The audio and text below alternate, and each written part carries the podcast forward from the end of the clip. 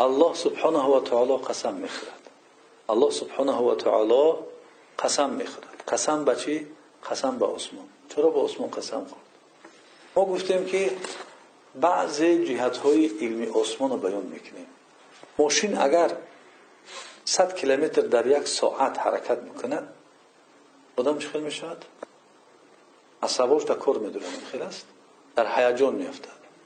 110 120 دیگر این انسان ناراحت میشه. تصدیق می‌کنه در میریونی یا که راحت می‌کند وقتی که صد صد های کرد ممکن صد گذشت. سمالیات 900 کیلومتر تا 1200 کیلومتر در یک ساعت حرکت می‌کنه ماشین 100 کیلومتر حرکت کرد انسان ناراحت میشه. جایی که 150 کیلومتر ساعت های کنه.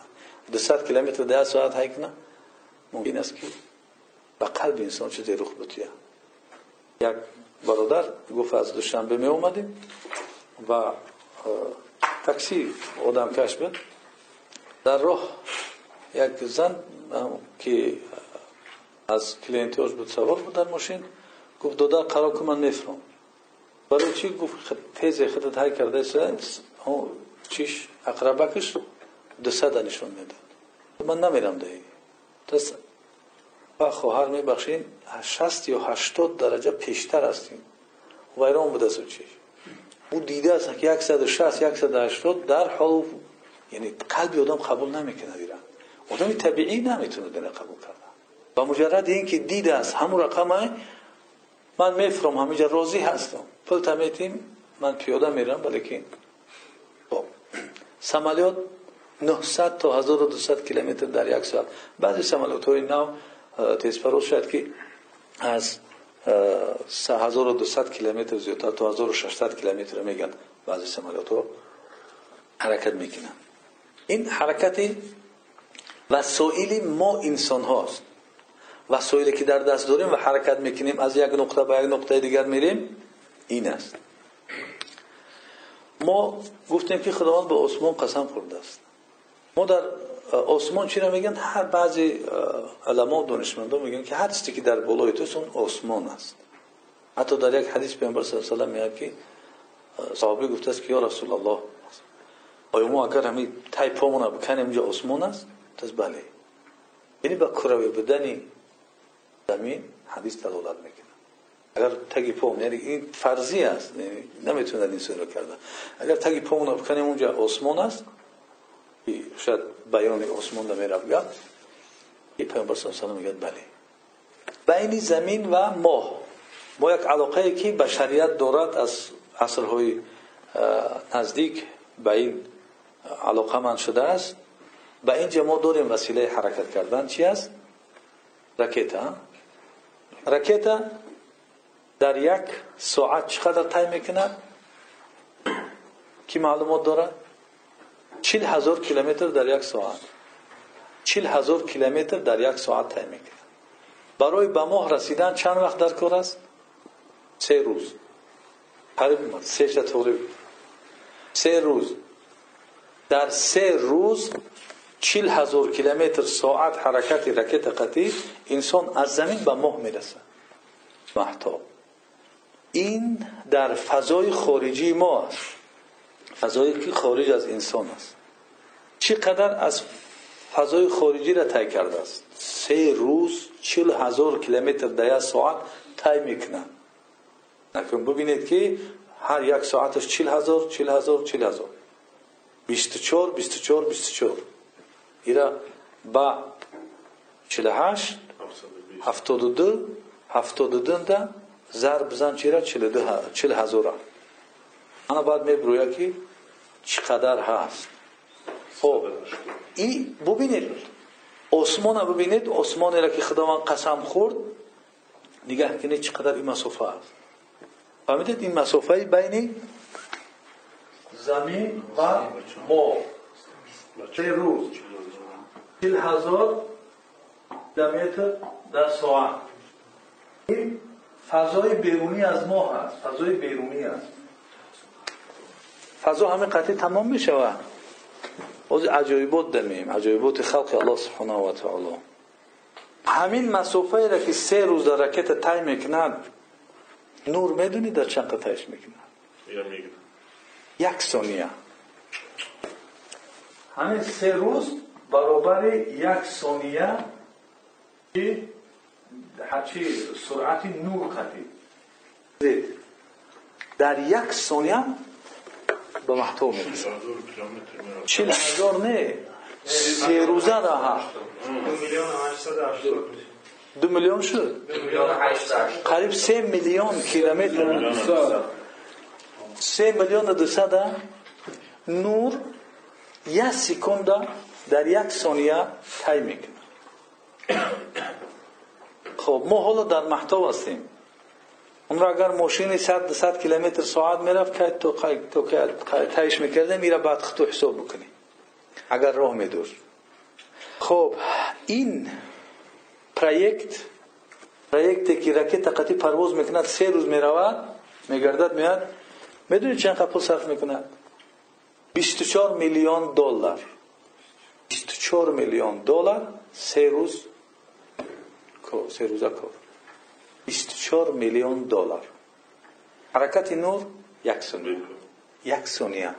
24 میلیون دلار.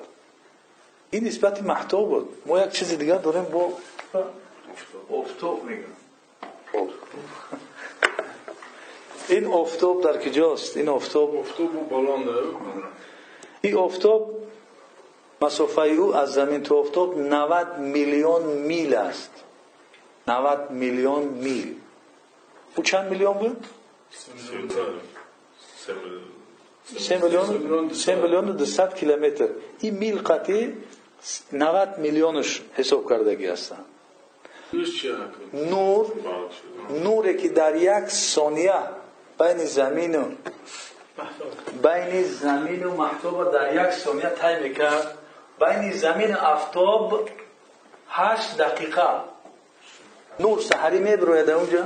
هشت دقیقه در زمین می‌رسه اما روشنی که میبروید هشت دقیقه وقت لازم است که به همینجا برسه این یک ثانیه برابر شست شست ثانیه یک دقیقه میشه انا شست ثانیه یک دقیقه.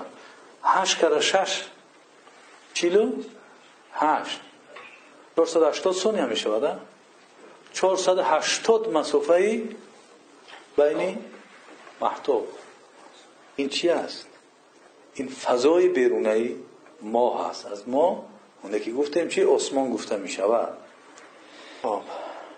اگر با آخران ستاره مجموعه شمسی بخواهی که برسی این مجموعه شمسی بود خودش گالاکتیکای ستاره ها داره. هر یک گالاکتیکا خب این مجموعه شمسی که در اطرافی هستن ستاره های خود شده. همه دوردستترین ستاره که دیگه بعد این ستاره در این گالاکتیکا دیگه ستاره نیست. برای رسیدن به آن سیزده ساعت نوری در کار است. سیزده ساعت. این هشت دقیقه بود. این سیزده ساعت. هشت دقیقه سیزده. سیزده ساعت نوری و آخران ستاره را که آخران ستاره که در مجموعه گالاکتیکای شمسی داخل است افتو و نزدیکترین ستاره که از غیری از غیری گالاکتیکای افتوبی هست ای از این مجموعه بیرون است از دیگر گالاکتیکا نزدیکترین ستاره چقدر است؟ در این ستاره در رقم شما نویسیم نزدیکترین ستاره ای گالاکتیکای دیگر. چهار هزار سال نور باید حرکت کنه که در اونجا برسه. نوری که در یک ثانیه 300 هزار کیلومتر طی می‌کنه. از زمین به همونجا حرکت کردن نور نزدیکترین قریبترین ستاره گالاکتیکای دیگر. چهار هزار سال نور حرکت میکند تو اینکه به اوجا برسد گالاکتیکای تبان است مجموعه تبانه دیامترش دیامتر همون چی یکصد و پنجاه هزار سال نوری است галактика табана меганаш табана олиш мо дар интернет ам коидира табана ин яксаду панҷоҳ ҳазор сол масофае ки ҳамин маҷмӯаи галактика ин тараф то у тараф шуд галактикара масофа яксаду панҷоҳ ҳазор соли нурӣ маҳтоб чиш фаҳмиш калониш понздаҳ ҳазор сол нурӣ ҳами калони чиш бигем ҳаҷмиш диаметрш паҳмиш ин ситораҳо баъзеш ин қадар калоне ҳастанд ки бо он мебинем шуд گالاکتیکای taban, tab, tabane, tabani, خب تبنا میلیون میلیون گالاکتیکا میلیون میلیون گالاکتیکا خب بعضی گالاکتیکا از ما می‌دونه چقدر دوره از ما 12 میلیون سال سرعت صورت نورن همه اونجا دیگه ماشین نمیره رکت هم نمیرم. دوازده میلیون سال حرکت نوری در کار است اون بعضی گلکتیک های انسان برسد پس وقتی الله سبحانه و تعالی این پروردگار بزرگی ما میگه که وسمه قسم به آسمان این کلمه را هر کس به اندازه فهمیشی خودش میفهمش. وقتی چقدر مفهوم انسان به آسمان معلوماتش باشد بعد خداوند هم قمیش نسد که چقدر الله بزرگ است. قموی هستن که اینو این الله سبحانه و تعالی این چیز را خلق کرده. بعضی مخلوقاتش هستند همش. در عثمان. بله. بله. بله. انا خداوند به همین خیل مخلوقی بزرگش قسم می‌خورد برای چی؟ برای که باور بکنید که زنده گردانیدن بعد از میرانیدن هست. باور بکنید که روز قیامت هست. باور بکنید که تقدیر الهی هست. باور بکنید که زندگی در اساس تدبیر الهی است انسان انسانی است که از او زور بترسد. برای این زوری دنیا برای مالی دنیا وقت نمیاد که عبادت بکند برای او ذات عبادت نمی‌کند چرا؟ زیرا نکوسترش می‌کند این بود که حضرت عمر ترسید. گفت والله اگر شما گناه بکنید نماز نخونید طاعت عبادت خدا را نکنید شما پیروز نمیشید پیروزی شما بر ضد دشمنان شما برای آن است که شما خدا را طاعت عبادت می‌کنید. طاعت عبادت شما سبب شد که بر دشمنان پیروز میشه اگر شما هم خدا را اطاعت نکنید نماز نخونید شما دیگه با اونها برابر میشه در معصیت. پس کسی که قوش زیاد باشد کسی که عددش زیاد باشد اون غالب می‌شود. دایم غیر مسلمان ها از مسلمان ها از جهت عدد و از جهت قوه بیشتر هستند. هیچ وقت مسلمان ها از روی عدد و از روی آلت های اسباب جنگیشو غلبه نمی‌کنن این قاعده که حضرت عمر رضی الله عنه چکو کرد؟ گفت. اون کسایی که الله سبحانه و تعالی را شناختند یک برادر در حقیقت سوال میتید که گاه من می‌خونم گاه نمی‌خونم نمازه یک ترکش کن چند وقت دیگر باز نماز نمی‌خونم چرا زیرا ما الله درست نمی‌شناسیم می‌شود که کار یک روز بیا چند روز نرای فورت چند روز کار بکنی یکی که نفورست چند روز دیگر کار نکنی چرا در کار منتظم هستی چرا در اطاعت امر خدا که این خیل خدای بزرگ است منتظم نیستی یعنی انسان بیاد خودشا بشنوزد که ما در این ملک خدا اصلا دیده نمیشیم. باز الله سبحانه و تعالی با ما گپ می‌زند و باز برای ما قسم می‌خورد. سزاوار است که این انسانی که اصلا دیده نمی‌شود در ملکش. خدا برای قسم بخورد این بزرگی و رحم خوریش برای ما نیست. برای ما ملائکه ها که این چیزا می‌دونن تمام حیات در عبادت است. تمام حیات بعضش قایم است. بعضش در رکوع تا روز قیامت بعضش در سجده تا روز قیامت است. لا یعصون الله ما امرهم و یفعلون ما یؤمرون. خدا رو هرگیز معصیت نمی‌کنن. و یفعلون ما یؤمرون. هر چی که خدا امر کرد انجام میدین. اکو اونو گناهگار بودستن که او کارا می‌کنن. ما گذشتگی هست. اسموهای خرمو هست. از لای گذشت است که ما اینقدر نافرمانی و اینقدر گستاخی و اینقدر جرأت در برابر این خدای بزرگ داریم. چون به قدر خودش بدونه؟ چون وقتی قدر خودش نمیده بعد جرأت می‌کنن از این اینجاست که الله سبحانه و تعالی در سوره الفجر میگه که فيومئذ لا يعذب عذابه احد ولا يوثق وثاقه احد.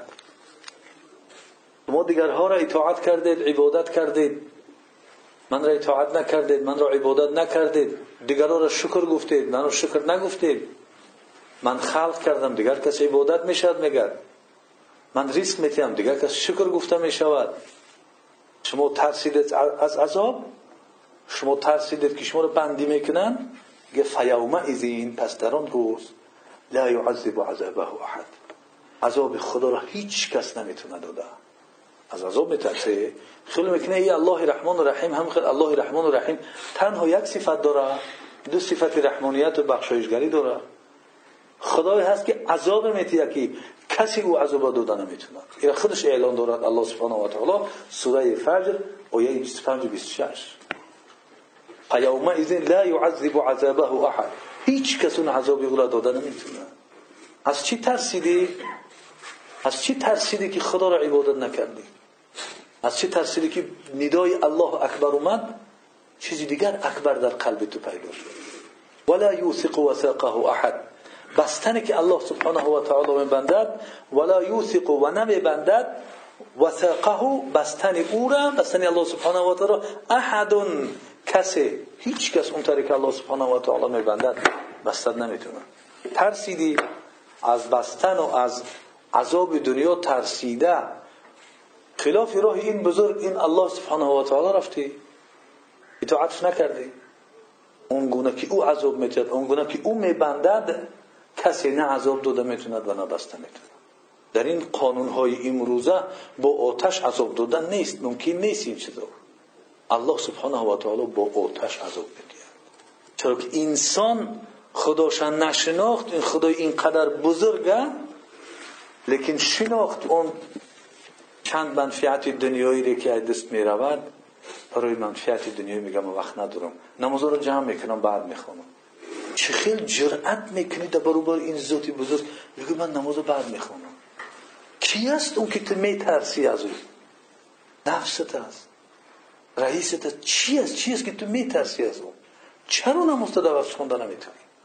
و دیدی که تدبیر این این, این همه ای گالاکتیکایی که میگردن اینو تصادفی همین خیلی نگشته سه تخمه در دست انسان بودیان سه تخمه در دست انسان یتش رنگ دار باشد دوتش بیرنگ آیا هر باره که دختی همون رنگ اگر در یک جایی پینهان شما مثلا در یک سبد شو بدوزی نودیده برداری همون یک تخمه بگیری هر باری دختگی همون تخم سرخ خوی گرفتن همون میاد در دست کی میگد که هر بار همون میاد در سه تخمش که از گفتن نمی‌تونه اگر ده تخم باشن چی؟ اگر صد تخم باشن چی؟ هر باری گرفتگی می‌تونی که همون تخم رنگ داره بگیری. این معنای تصادف است. این تصادفی را که میگن تصادفا این دنیا شدگی است. تصادفا این چیزا شدگی هستند معنای آن را دارد که در هزار و در میلیون ها تخمی که میمونی همین دسته که داختی تصادفا همون رنگ کردگی میبروید دیگرش نمیبروید این غلط که این تصادف گویا که چی؟ به هم بر نمی‌خورن یعنی همون تخم رنگه را گرفته است.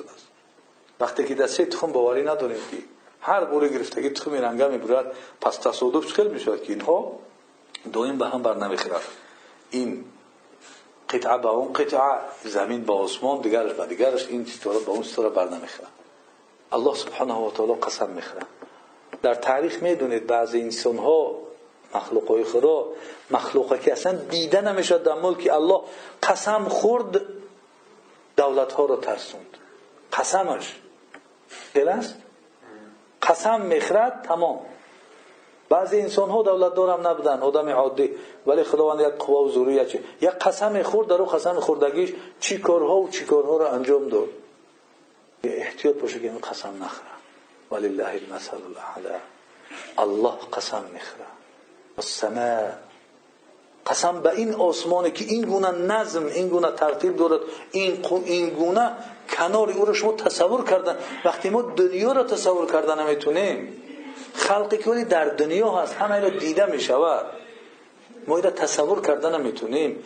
پس جنت او را گفت که ما لا عین رأت ولا اذن سمعت ولا خطر على قلب بشر. ما حالا بعضی این چیزها را با میکروسکوپ ها می‌بینیم این چیزها را با گوش میشنویم که علمای ستارشناس و این علم برای ما میگن. و این چنین در عقل ما هم تا می‌خرد وقتی این بعضی معلومات ها اینا را می‌خونیم که این چی بوده است و چی شده می‌تواند. چگونه بودن اون در عقل ما تا می‌خرد. خب، ولی باز عاجزی خود رو هم احساس می‌کنیم. و پیامبر صلی الله علیه و میگه که در جنت چیزهایی است که چشم دیدگی نیست اونها را.